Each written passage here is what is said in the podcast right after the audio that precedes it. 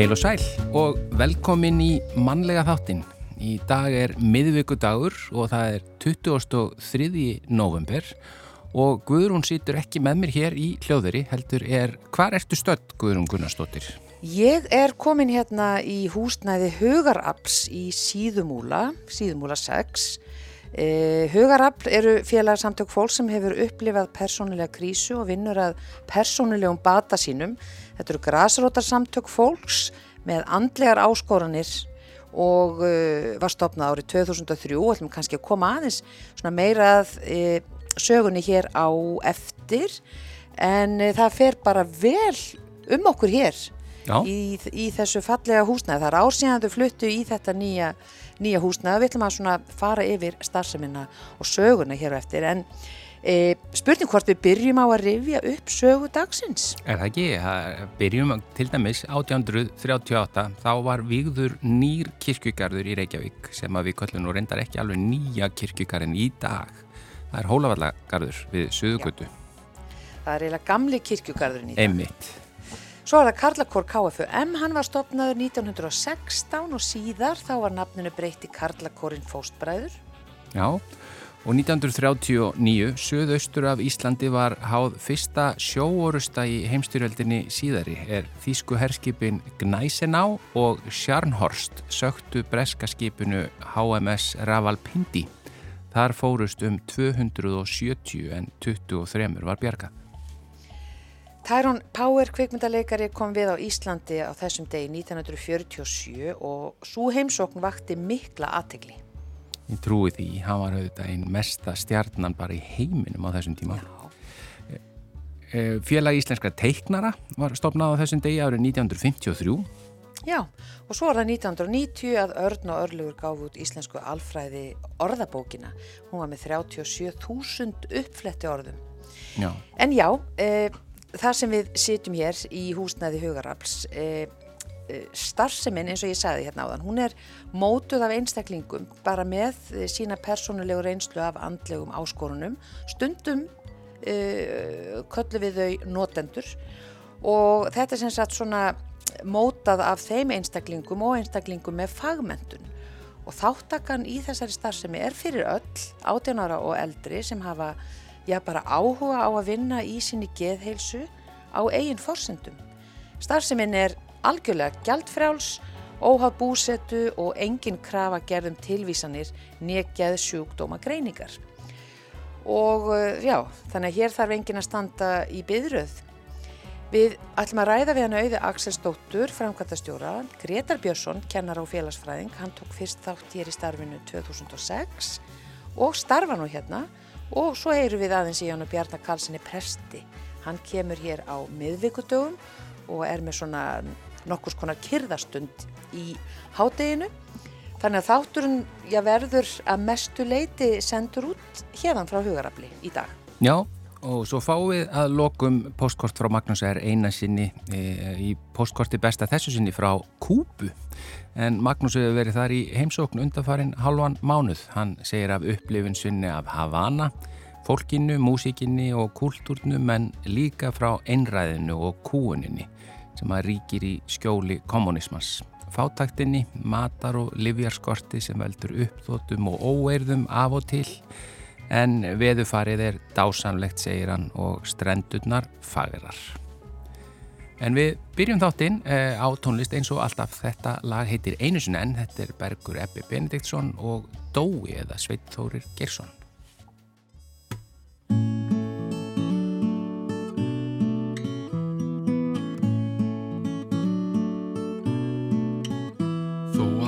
sé um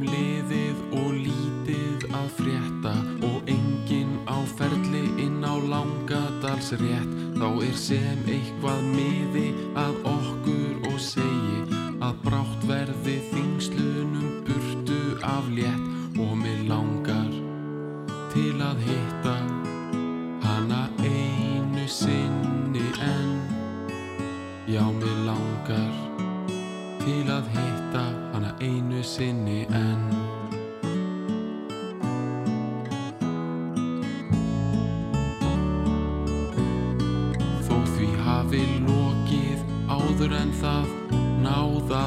hefjast þá er skugginn sem kvílir alveg jafn stór og þó að kuldin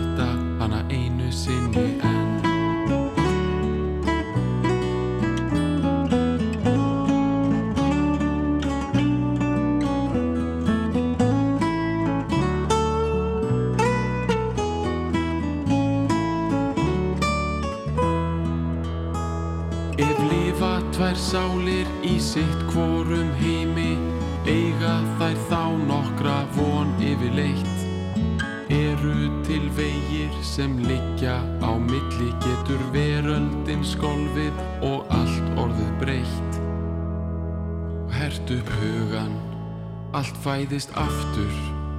Nú er dugur í vori og fugglar á grein. Það liggja vegir Það liggja þræðir sem ná gegnum bæði mistur og bein og þó við næðum því ekki hérna þó að hallað hafi upp í mót þá einhver tíman við stífís gungum inn í skímuna inn við langadalsfót Þó lifi tvær sálir í sitt hvorum heimi þá eiga þær þó alltaf von yfirleitt. Það eru til vegir sem liggja á milli þegar veröldin skjelfur þó getur allt breyst og mér langar til að hitta hana einu sinni en til að hitta hana einu sinni enn.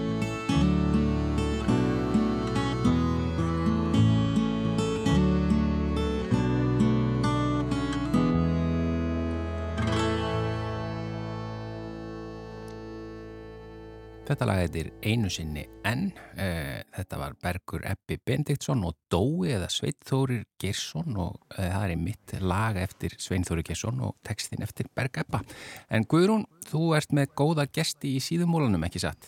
Jú, hér situm við í húsnæði Hugarabls eh, síðumóla 6 og þannig svolítið rók hérna. Já, kvast úti. Já, það er aldrei kvast, en það er nú bara mjög víða hér á höf, höfuborgarsvæðinu. En það er bara uh, rétt um ár síðan þau fluttu í þetta nýja og glæsilega húsnæði og uh, sem rúmar starfseminna mjög vel. Ég notaði morgunin og fór hér upp á hæðina fyrir ofan og skoðaði starfseminna og hún er mjög fjölbreytt en uh, þau sitja hérna hjá mér auður Axelsdóttir sem er framkvæmdastjóri Hugarafs og Gretar Björnsson sem byrjaði hér 2006 kom uh, að sækja sér bara svona ímsa þjónustu og er núna starfsmæður og um, kannski ef við bara byrjum að við fórum nú alveg bara svona mm. dável yfir svona hvert hlutverk uh, Hugarafs er hérna í upphafskynningunni en svona sérstaðan og hugmyndafræðin auður. Já, sko sérstaðan byggir á að við vinnum samkvæmt bata hugmyndafræði og vinnum eftir valdeblingu og hér er mjög ríkjandi vittniska um að allir hafa batamöguleika, sama hversu vonlust að kann að þykja stundum. Og við eh, vinnum ekki samkvæmt sjúkdómafræði, við viljum vita lífsögu fólks. Og hér er það starf sem við bjóðum upp á að byggja á því að hver og eitt finnir svolítið sína leið í batanum, getur tekið bakslögin sín líka því þau koma í bataferli mm. og farið í endurhæfingu. Þannig að þetta tekur allt svolítið tíma og það, við erum líka svolítið þekkt til það að gefa góðan tíma því við veitum alveg ef að fólk hefur uh, hérna, er að kljástu geranar áskoranir að þá er bati, hann gerist ekkit á einu mánuði eða þremur, veist, hann, það tekur langan tíma og það þarf að fá, uh, hver og eitt þarf að fá leiði til þess að gangi gegnum það sem að, að því að þetta byggir á því að vinna með tilfinningar, endur skoða lífsitt og trúa á bata, það er ekkit allir sem trúa á hann í upphafi þannig að við þurfum svolítið að kynna batamótilið okkar alla daga í raun og hver og einn þarf að finna svona sína valdeflingu. Við erum auðvitað sköpum umhverfið og svo er það einstaklingur sjálfur sem þarf að vinna vinnuna sko. Já. Og bara að við nefndum það, það er engin byðlisti, fólk má bara koma hinga þetta er gjaldfrjálst. E, fáið þið svona bara já, fólk utan á gödunni Já, það segir, er gríðarlega mikil eftirspurn hérna já. og kemur fólk á öllu landinu og það eru nýlega fundir hér á hverju mánundegi klukkan 11 og þá getur hver, hver sem er komið og kynnt sér starfseminna og gengið í félagið eftir það og byrjaði raun og varu að stunda starfseminna sem byggir á mjög metnaða fullri dagskrá mm. sem snýr að, þú veist, umræðum bata, umræðum valdeflingu, sjálfstyrkingu, það er jóka, fólk getur verið í virkni, þannig að hver og eitt þarf svolítið að finna sína leið og stærstu hópanir okkar í dag er endurhæfingarhópurinn, þar sem fólk er bókstælega í markvisri endurhæfingu með endurhæfingar áallin frá tryggingastofnum og það er feikun að vinna að, að hérna, en ég segja það svo oft við fólk sem kemur hérna inn að, að váka ég tek hattin ofan vegna þess að það er svo mikil áskorun að fara inn í þetta. Fara inn í að endur skoða lífsitt og breyta og finna út úr því af hverju funkar ég ekki samskiptum eða af hverju detti ég alltaf út á vinnu eða skóla og svona og þetta bæði tekur tíma og það þarf ákveðna umgjörð til þess að geta gert þetta Já. og svo erum við með Þetta er stæstu hópun okkar og svo er kannski Greta getur sagt þér frá karlahópnum okkar þú veist þannig að það er, það er líka, þetta er byggt þannig upp að við gerum sex vikna lótur og það eru allir uh, hugarapsmenn sem eru með í að móta dagskrá. Þannig að er, við erum alltaf að vinna á hverjum tíma með þarfir þeirra sem eru hérna og mótum dagskrána saman, starfsfólks og þeir sem koma hinga. Mm og við tökum svona sjöndu vikuna í það að rína ofan í, erum við á rétti leið, gengur þetta upp, eða við erum með þennan hóp áfram. Núna erum við til dæmis að byggja upp ung, ung hugastarfið okkar, það er mikið ungu fólki hér og við erum að svona, það tók svolítið, það var erfitt fyrir þau að gangi gegnum COVID og verið fjárfundabúnaði. Þannig að við erum að byggja sérstaklega upp þessa hópa aftur og eins hins egin hóp líka. Þannig að það er við förum alltaf svolítið eftir þörfunni líka hvað hópur er hér, það kemur hinga fólk sem er, við erum núna með 300 eh, virka þáttakendur eh, og það er gríðalega stór hópur, það er 50-60 mann sem koma hinga á dag mm. og fari í hópana, fari í viðtöl, það er hérna fagfólk sem að yðurþjálfar, sálfræðingur, markþjálfi, jókakennari, verkefnastjórar og fólk með reynslu Já. sem er alveg gríðarlega mikilvægt. Það er mjög mikilvægt Já. og þá einmitt komum við að þér, Björn Gretarsson, þú... Gretar, Gretar Björnsson. Gretar Björnsson, segi ég, já, heyrðu þú... Pappi var ánað með, hann fekk heiðurinn á þessu viðtali. Já, það... Mér langaði samt bara að bæta við að hérna, þó dasgráðum alltaf mjög metnaðan full, margt í bóði, uh, þetta tækifæri á að koma og vera og líða alls konar og vinna með það, en síðan er það náttúrulega líka bara að tilhera. Að tilhera, já. Að hérna, hérna uh, hittist fólk í bata já. sem er svo rosalega mikið vekt. Já og hérna fólk fær kannski ekki mikið tækifæri eftir að kannski losnar af spítala, það sem er búin að vera í kringum mikil veikindi hjá hver öðru sér farða ekki tækifæri til að umkákast hvert annað þegar að stiga skrefin í, í bata og það er svo rosalega mikið þannig að við erum líka félagsmyndstu sko. mm -hmm. fólk sem er að vinna að sammeilegu markmi fólk er kannski að leiða um mismæðandi staði í lífinu og vil vinna með mismöndir hluti en þeir stefna öll á að líða betur og bæta lífsitt og það er svo mikið vægt að deila þessari von um bata í hóp því að uh, þá gerist kraftaverki sko, hérna að fólk nær, nær kannski upp úr gamlu hjólfurum eða eitthvað að það sér aðra að finna kraftin í öðrum og tengist sko. Já, þannig að þetta er held ég bara virkilega punktur sem er svo mikið vægur hérna. mm -hmm. Þú kemur hérna inn 2006 þú ert já. kennari og félags félagsfræðingur félagsfræðingur. segð okkur hvernig bara hver var þín staða þegar já, þú kemur yngar? Uh, ég lendi í veikindum byrjuð sem byrjuð þegar ég var ungur bara úlingur og hérna ég var svona ég ólst upp á tíund áratögnum það var svona kannski seinasta kynnslóin sem var svona átt að ætla að harka allt af sér sko. Það ég lendi í svona bara ímsum uh, áföllum og kannski einhverju svona erfiðum aðstæðum sem bad kannski ekkert uh, ekkert hádramatíst en það voru viðbröðin sem voru svo óheppileg. Ætla að vera bara svaka kall og harka allt af sér. Ég var satt bara bad sko. Þannig að það koma svona uh, svo ég sletti breaking point þegar ég var að klára ólingsálinn og ég lendi í hérna miklu geðsöflum þurfti að leggjast inn á spítala. Mjög ungur maður, tvítur og hérna ég var fegin mér var búin að líða illa lengi. Ég held að hérna var ég komið lausn og ég var rosa tilbúin rosa tilbúin að fara að vinna í mínu málum. Og hérna var í yngri afnutun um að ég ætti andl andlega vandamál að stríða.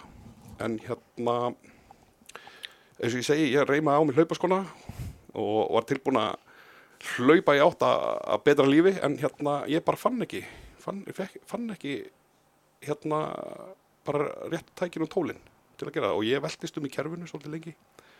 Hérna hitti marga mismændir lækna sem ég ber bara alla góða söguna af og prófaði mörg líf og, og hérna en ég bara náði mér ekki upp hjálpurum ég sök alltaf aftur í vanlíðununa og endaði aftur á spítala.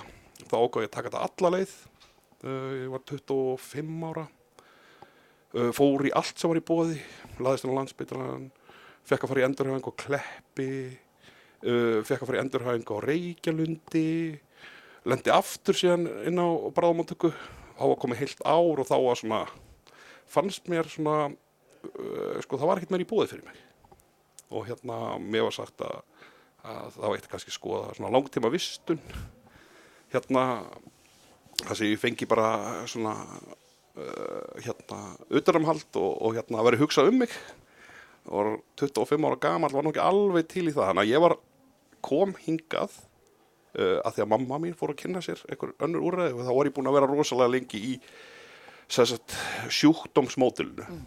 uh, sagt, að ég skildi orsakir minna vanliðunar og minna geðsvefla sem orsök sjúkdóms að það væri eitthvað að í sagt, efnaskiptakerfi líka heilanum eða hormónakerfi eða tögakerfi sem að uh, ég var að reyna að finna lausni við og prófa allir þessi líf og alltaf að passa mig og misti samt alltaf tökinn sko. Þannig að ég kem hérna inn týndur, ég var ekki búin að gefast upp uh, en ég bara vissi ekkert hvað ég átt að gera lengur. Þannig að ég kem hérna inn uh, þá var hugur að blíti félag í bólhaldi og ég byrja að hitta hana auði fara á hugurapsfundi hitta fólk og bara spjalla og þarna í fyrsta skipti fóru ég að tala uh, opna sagt, í svona eitthvað svona viðtalsfasa. Að ég fór að tala um fór að ykkur sjálfskoðun tala um hvernig með leið sem ég skildi bara ekkert almennilega það þurfti svolítið tíma að fá að vera. Og þetta bara hérna vatt upp á sig og ég prófaði alls konar samtalsmeðferðir hérna líka fyrir utan huguraflin huguraflin alltaf svona mitt akkeri. Auður alltaf tilbúin að hitta mig og hún kvatti mig alltaf áfram að hérna að, að hérna, velta mér ekkert upp úr öllu sem miður fór. Lífi væri ekkert í núna. Maður þurfti að halda áfram að gera það sem hann finnst að vera gaman og það var nú bara að stunda íþróttir og setja mig markmið. Ég var búin að fatta, ég var búin að slaufa öllu mm. öllu svona góða því ég var alltaf að býða sko, að ég er því betri og þá geti ég farið kannski að hugsa um að uh, vera virkar í vinnumarka og skóla. Og hún kvatti mig til að prófa mig áfram. Uh, ég fór aftur að stunda íþróttarkrafti náðu bara mjög góðum árangur í körpulta Já, þannig uh, þetta er bara Og þú er bara enda hér sem stafsmæður? Já, já, ef við farið. sko, þetta þetta spannan náttúrulega mörg ár og ég er að segja þetta stuttum tíma, en til að gera langsögu stutta þá uh, dreifum ég bara aftur út í lífið, uh, kynntist konunum minni hérna, uh, stopnaði til fjölskyldu, skráði mig í nám, ætlaði að vera lögfræðingur, fjall, kolfjall fyrir félagsfræði, það, það var svona leið til að skilja hluti og, og, og hérna fór ég háskólanum í félagsfræði fjallina fyrir félagsfræði helsu og veikinda og geðhilsu félagsfræði mm. og skrifaði lokaverkunum mitt í því síðan ákvaði ég að mér langaði svo rosalega mikið að gefa að mér þannig að ég skráði mig og ég vissi ekki alveg fótinn eitthvað stíga, mér finnst allt verið svo þannig að ég ákvaði að fara í kennarnám og síðan þegar ég kláraði það þá var, fekk ég einstakka tækifæri að starfa hérna og starfa hérna við stuðning og fræðslu yeah. og ég segi alltaf þrengt, ég ætla að klára hérna mm. það er alveg frábært að hafa góða mentun hérna, í þessu starfi sem ég er í uh, B-prófum mitt er mjög gott gerir mjög gott verkefni sem ég nota mikið í fræðslu kennaranámið er bara rosa gott og hérna maður getur hjálpa fólki á mjög margan hátt. En ég byrjaði á doktorsprófunu doktorsprófi var að ganga að sætta, sætta mig við, við veikindi mín gera þau upp og ganga leið bata á valdefningar. Og það nota ég mest í mínu starfi mín reynsla við að takast á þessu hluti. Mm og maður heldur alltaf að batin, ég er lungu komin á góðan stað, en batin er þannig að maður getur alltaf að halda áfram lengra og ég trúi því að ég sé svolítið að slá kannski punktið fyrir aftan í með að gefa mm. áfram það sem ég hef öðlast, skilur, hérna í hugarafli, sko. Kæra þakkir fyrir þetta, Greta Björnsson og uh, auður þú ætlar að sitja hérna aðeins mm -hmm. áfram, við Já. ætlum að hérna, fá um Bjarnar Karlsson hérna mm -hmm. til okkar eftir, eftir nokkrar mínútur og við ætlum að tala aðeins um, um hérna bara meira Já, um starfið. Já. Light the fire.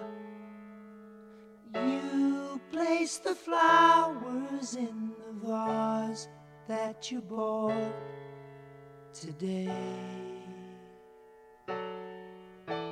Staring at the fire for hours and hours while I listen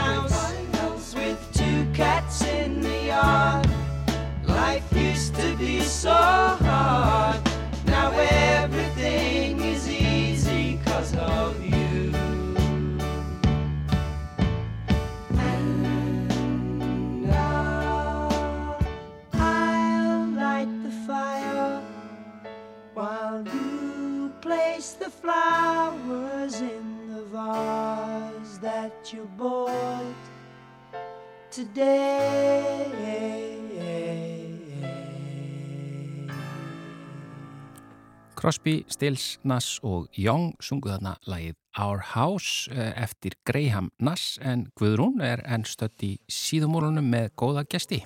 Já, við sitjum hérna enn í uh, húsnæði Hugarafls og uh, eins og ég sagði hér í upphæði fyrir þá sem voru nú bara að kveikja á, á útvarpinu þá er hér bara opið fyrir alla þá sem teljast mm. þurfa á hjálpa halda Já.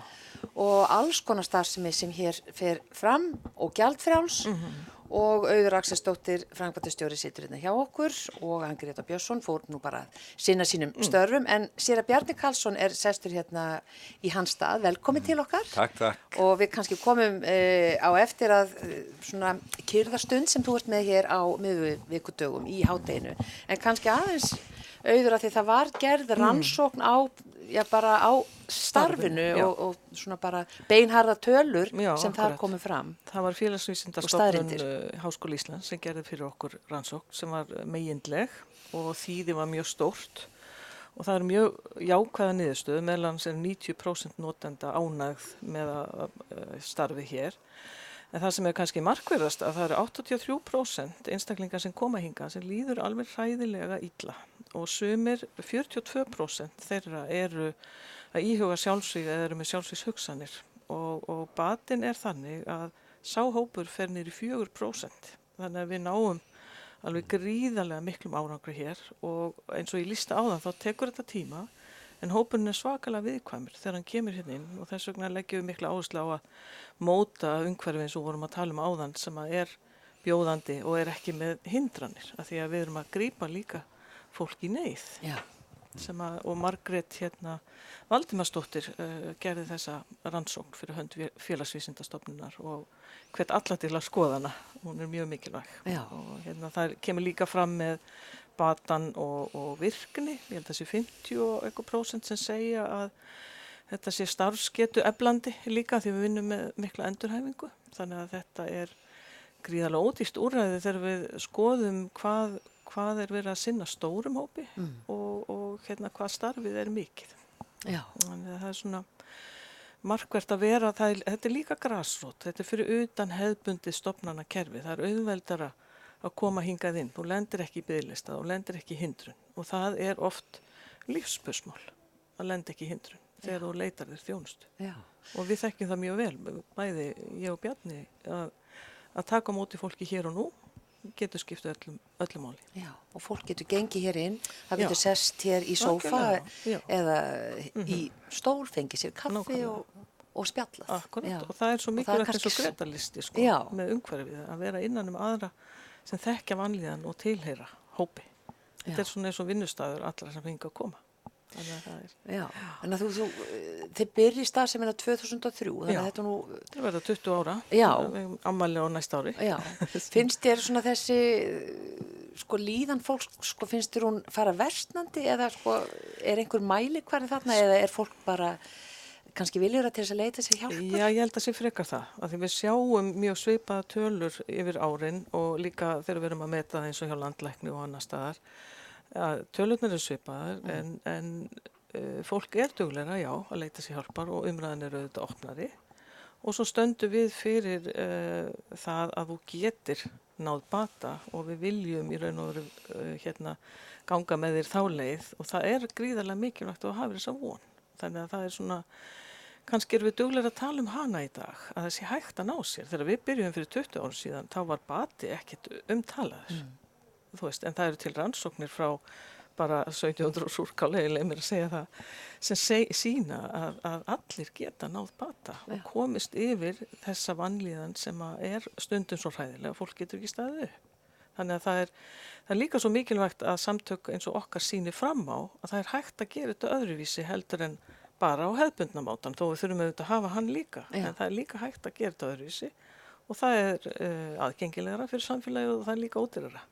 Þannig að við vorum einmitt í morgun að ræða heilbrís á þeirra. Já, hvernig tók hann ykkur? Hann, tók, hann tekur okkur alltaf mjög vel og hérna er mjög skilinsvíkur á starfið okkar og við rættum þetta bara mikilvægi þess að bara hafa þetta aðgengi fyrir alla landsbygg og eins, eins hérna, við erum meiri sér með einstakling frá hérna útlöndum sem stundar hérna endrauku þannig að það, það er líka, við náum til mjög stórs hóps og erum í dag að nota fjárfundabúnað fyrir þá sem eru langt í burtu. Já, ég sá það einmitt hérna uppi, Já. stór fundarsalur og stór skjár. Og getum verið saman sko bæði hópun í salnum og, og þeir sem eru á skjánum mm. þannig að, að við náum mjög breytt sko og Já. þetta er ódýrt, ódýrt úr aði sem skiptur auðvitað samfélagið okkar miklu máli og fólk fær tíman, fær tíman sem það þarf. Já. Og við erum mjög möndin af því eins og Greta lísti að starfsópurinn okkar er, uh, við þekkjum flest uh, að hafa verið í aungstræti með hilsun okkar í geðhilsun, þannig að við þekkjum og það skiptir orðslega miklu máli í starfinu öllu að hitta fólk sem þekkir vanlíðan og er ekki að setja því á einhvern uh, hérna, inn í einhverja greiningakassa eða eitthvað slíkt að því líður illa. Já, þannig að það er þarna fagfólki sem mætir Já. einstaklingunum og svona í, í samvinnu er fundið út úr Akkurat, og hlutunum. samherjar sem er fólk með reynslu Já. sem er búið að ná bata og er tilbúið að deila sínum bata og, og stiði aðra. Já, akkurat. Og það er eiginlega svona það sem okkur þykir vænstum hérna. Og við leggjum fagþekkingu og þáþekkingu á jöfnu.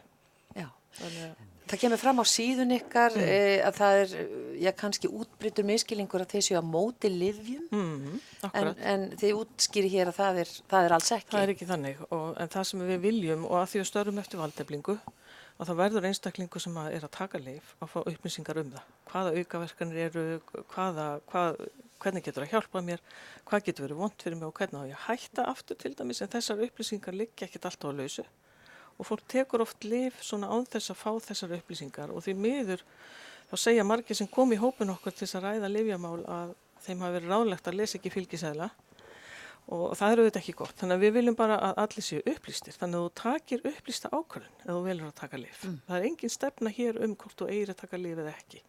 Að, og það er mjög útbreytum í skilningur og við hefum ekki aðrætnan að, að, að hérna, henda honum.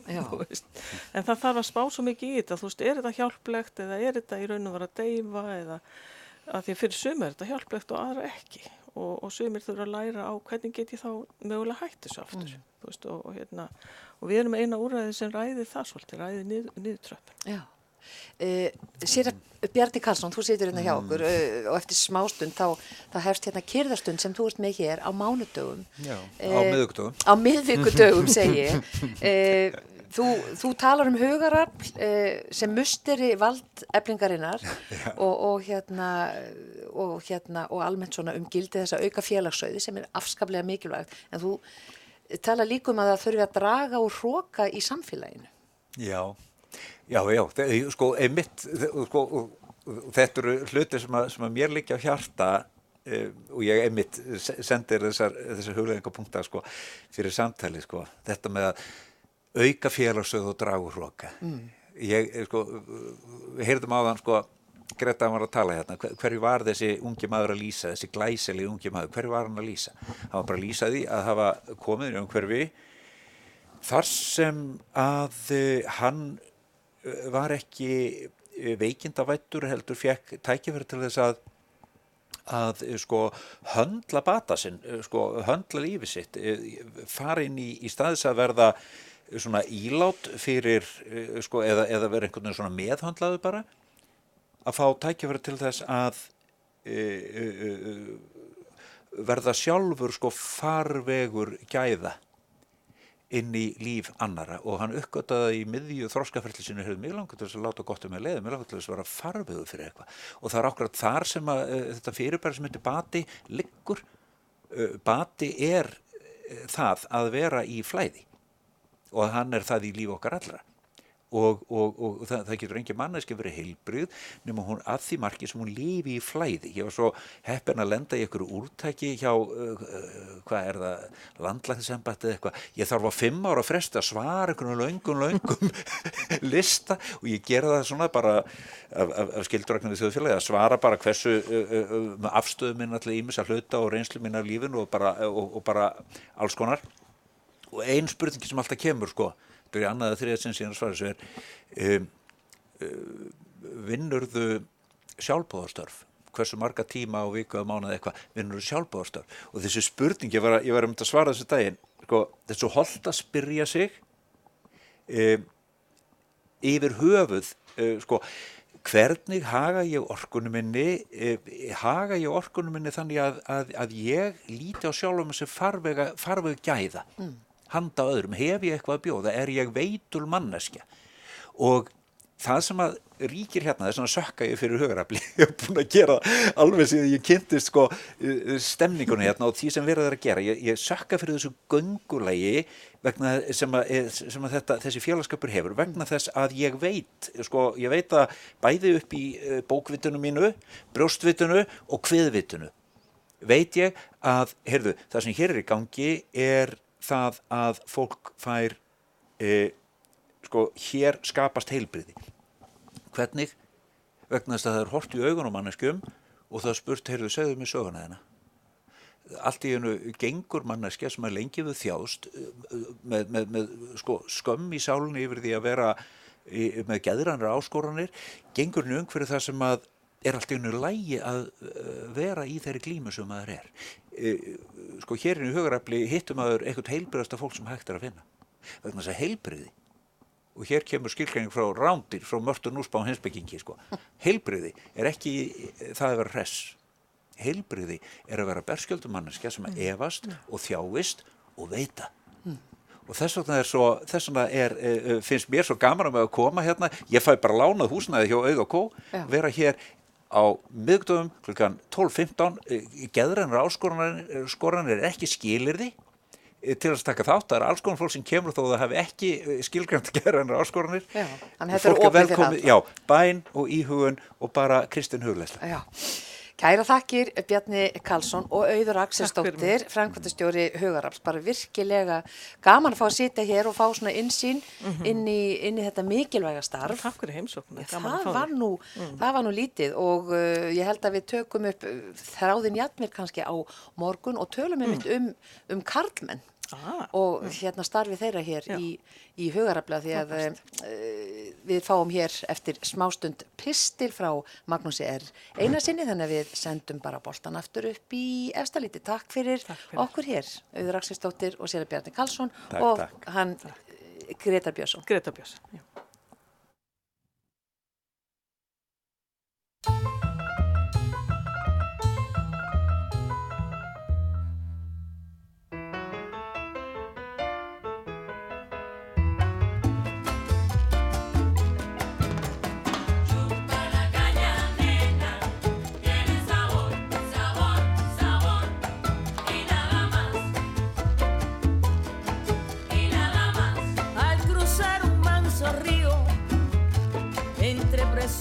Palmares se oyen los tiernos cantares que salen de tu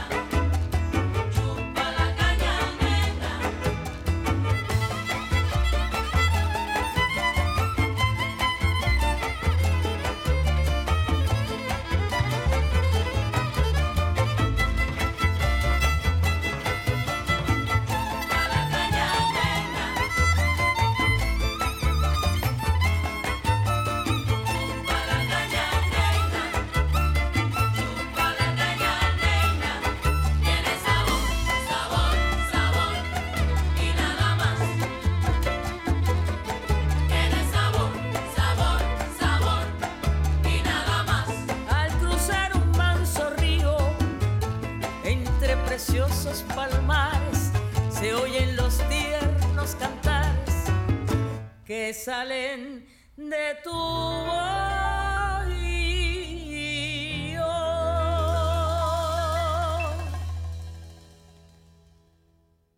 Já, þetta er uh, búin að vista Social Club uh, og lagi Tiene Sabor eftir Ignacio Pinheiro og Ronaldo Valdes og það er engin tilvílun því að postkorti sem hann Magnús R. Einarsson senda okkur í dag, það er ymmit frá Kúbu. Heil og sæl. Það tók Kristófer Kolumbus nokkrar vekur að ferðast yfir Allandshafið til Kúpu. En það tók okkur hins vegar ekki nema tíu klukkutíma að fljúa frá Frankfurt í Þískalandi til Havana. Og þegar maður lendir á flugvöllunum í borginni er strax ljóst að maður er komin í annan raunveruleika, maður er komin í þriðja heiminn þar sem allt önnur lögmál og vandamál er ríkja enn í þeim fyrsta sem maður yfirgaf í Evrópu. Eftir langar og strángar byðræðir í vegabrifaskoðun og vopnarleit inn í landið kemur maður út í modlu hitta rétt fyrir miðnætti og fyrir utan flugstuðuna blasti við einkennilegasta fornbílasýning sem ég hef á æfinni séð. 70 ára gamlar amerískar drossíur í bland við 50-ar rúsneskar lötur og jeppa sem býða fyrir utan eftir farþugum til að aka inn í borgina. En svo áttar maður sig á því að þetta er ekki síning á bílum, heldur síning á neyð. Það er neyðin sem heldur í þessu gömlu bíla og þeir hanga saman nánast á líginni. Við ógum inn í Havana í fölgarænum Buick sem var smíðaður styrka 1950. Það var nú samt ekki verið áseikumurlægi en svo að loftkælingin virkaði í honum, gýrskiptingin var á stýristönginni og bremsurnar virkuðu. Meira gatnaði nú ekki beðuð um í runglega 70 ára gamlu farartæki. Við Kristín vöknum snemma fyrsta morgunin og við búum í ágetri íbúð í miðborginni og höfum glæsilegt útsýn yfir stóran hluta borgarinnar en það var strax ljóst þegar við fórum út í borgina að ástandið er ansi báborið. Við komumst fljótt að því að hér er matarskortur og helstu nöðsynir eins og brauð, egg, kjöt, mjölk og fleira er háð skömmtunum og við túristarnir erum utan kervis í því systemi. En blessu spillingin veldur því hins vegar að maður getur keift einn og einn brauðsnúð á uppsprengtu verði í bakari í svo lítið ber á og þar sem við búum í lítilli leigu íbúð þá höfum við í kynum okkar við nágrannarkonu náða að kaupa egg á svörtu. Ef vestmannengar eru Íslandsmeistarar í redningum þá eru kúpumenn nálægt heimsmeistaratittli í þeirri guðugu list. Eitt af fyrsta sem það verður varfið hér er afar takmarkaður aðgangur að internetinu og þegar maður hefur verið sítengtur við netið í næstum þrjá áratvíi þá er það eins og að lenda í einhvers konar einangurinn þegar maður er sviftur þeirri tengingu. Og til að ná samband á netinu verður maður að kaupa aðgang, annarkort með því að fara á hótel sem selur aðgang eða á svo kallan hotspot sem er að finna á nokkru stöðum í borginni. Næsti heiti reytur fyrir okkur er torg sem er kallast Plaza Cristo og þangaður um tíu mínuna gangur þaðan sem við búum. Netið er aftur á móti afar hægvirt og suma þjónustur ekki hægt að nálgast, ekki Spotify og Netflix til dæmis og það er ekki hægt að skoða ýmsar vefsíður sem tengjast bandaríkunum eða því sem kúpustjórnum telur ekki eiga erindi við almenning og þar opinberast einn stór galli. Því hér ríkir einræði sem er haldið vænissíki á háu stígi sem sést á því að hér er ekkert frelsi fjölmiðla og upplýsingaflæðinu er handstýrt af agentum stjórnarinnar. Það er afar ótrúlegt að nokkur maður geti gerst kommunisti eftir heimsókn til Kúbu. Hér ríkir kúun og harðræði fámennarar klíku sem er framkvæmt í skjóli hers og lögreglu. Tjáningafrelsið er afar takmarkað og hér ríkir andleg kúun. Það er refsað grimmilega fyrir að orða hugsanir sem ekki eru einræðinu þóknanlegar. Fyrir rúmu árið þann 11. júli 2021 brutust út fjölmenn mótmæli og óverðir gegn stjórninni vegna matar og livjaskorts, vegna kúunar og harðaræðis. Mótmælinn sem stóði í næstum viku í flestum borgum kúpu voru barinn nýður af hörku og um það byrj 1500 manns var varpað í fangelsi. Fólk var síðan dreyið fyrir einhvers konar kengururétt og menn hlutu alltaf 30 ára fangelsistóma. Fyrir föðurlandsvík og fyrir andbyltingarlega starfsemi eins og það var kallað. Fangaðinni voru svo fluttir langt í burtu frá fjölskyldum og vinnum til afplánunar. Já, það fer ekki fram hjá manni að hér ríkir neyð og hún er afar áberandi. Þótt hér sé nánast engin húsnæðiskortur, þá býr fjöldi fólks í hálf hrundum húsum og reysum, öll stóðkerfi eru löskuð og lúin og það ríkir skortur að nánast öllum sviðum. Verstur er matar og livja skorturinn og hér eru mönnum útlutaðir skömmtunasæðlar til að kaupa nöðsínar og það eru langar byggðraðir fyrir utan matarveslanir. Áreitið sem við ferðamenn verðum fyrir er töluvert. Það er sífælt verið að reyna að hafa af manni pening með ýmsum tryggsum og drikkum. Það eina sem dugir við áreitinu er kurtislegt brós, að forðast augnsamband og segja no gracias. Annars er fólk ótrúlega vingjarlegt og hjálpsamt undir venjulegum kringustöðum. Það eru liðin fjögur ár frá því að Castro, bræðurnir, Fidel og Raúl letu af hræðjataki sínu á kúpansku samfélagi. Það voru nokkra vonir bundar við að nýji fórsetin, Miguel Díaz Canel, myndi slaka eitthvað á klóni en þær vonir hafa brúðist. Efnahags ástandið er einfallega skelvilegt og enga líkur á öðru en að framundan sé hrun fram af ægibrún. Verðbólgan er í kringum 70% hér og pesoin er núna á svipunum slóðum og íslenska krónan er nú hraðri niðurleið.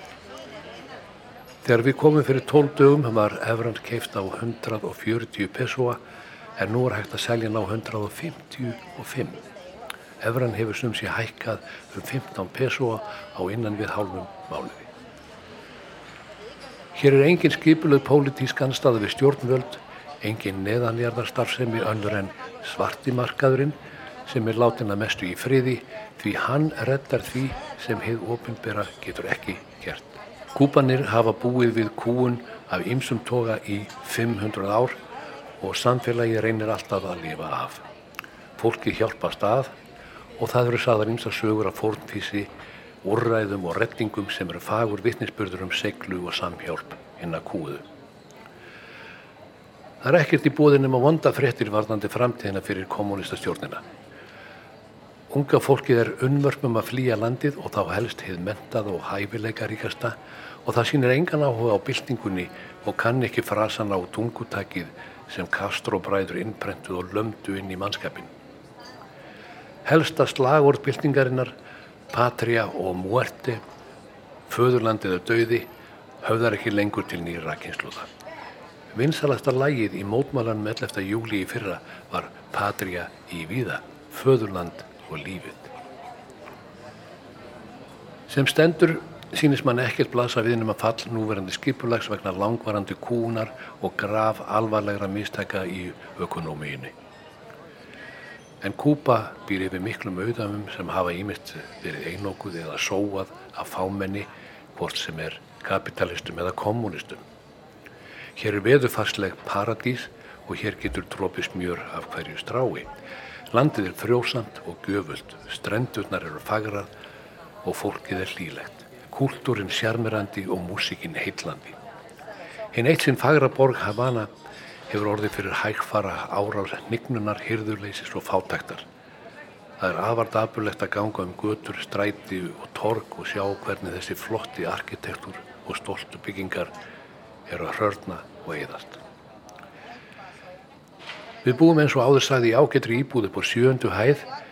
Liftan virkar vel og spilar þrjá fyrstu tónan í Jóbla Dí Jóbla Da þegar hún opnast og fólkið hilsar okkur á göngunum og það er ljóst að hér í blokkin er innan hús frétt að veita því allir virðast að vita hver við erum og hvaðan við komum. Mér tókst að koma mér með gítarinn minn í eina af þeim fjölmörgu hljómsveitum sem spila hér á götum úti. Þá kom sér vel að hafa lært harmoníu á Ítalíu forðum daga því kúpanir nota sama system sem kallast solfeggio og er frábyrðið því sem við lærum heima. En hvað er um það? Við spilðum út á torgi og tveim veitingastöðum við góðar undirtektir. Rytmin er heillandi og söngurinn segðandi, einhvers konar blanda af spænskum og afriskum uppruna og músingin fer í fólkið og það dansar af mikið lillifin.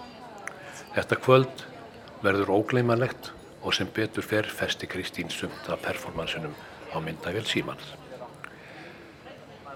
Músík og dans skilst allstaðar í veröldinni. Það er aldrei hægt að ljúa eða falsa hvorki í dansi í músík. Við Íslendingar hefum því miður sorglega lítið af dansi og tónlist annað en það sem höfum apað frá öðrum en kúpan er eiga helling. Hér heyrir maður aðeins latin tónlist og hér dansar fólk af ótrúleiri kunst og innlifun ungir sem aldnir. Og það var fallið fréttin sem barst nú í vikunni af henni Angelu Alvarez. Kúpansk kona sem fekk Latin Grammy-verlunin um liðna helgi sem besti nýliðin í suður-amerískri músík. Það var í svo sem ekki frásögur færandi, nema vegna þess að nýliðin Angela er 95 ára gömul og gaf út sína fyrstu plötu í fyrra. Við hátilega aðtöfn þar sem hún tók á móti viðurkenningunni í Las Vegas sagði hún gefist ekki upp því það er aldrei og seint að byrja. Bestu kveðjur og góða stundir.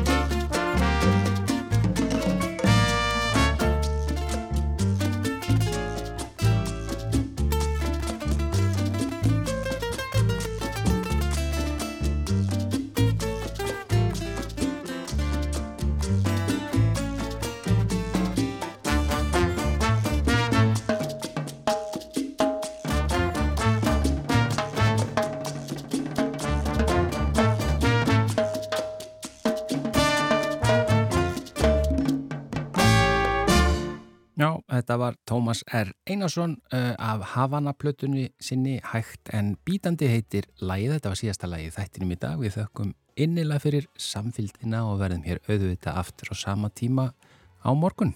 Verið sæl.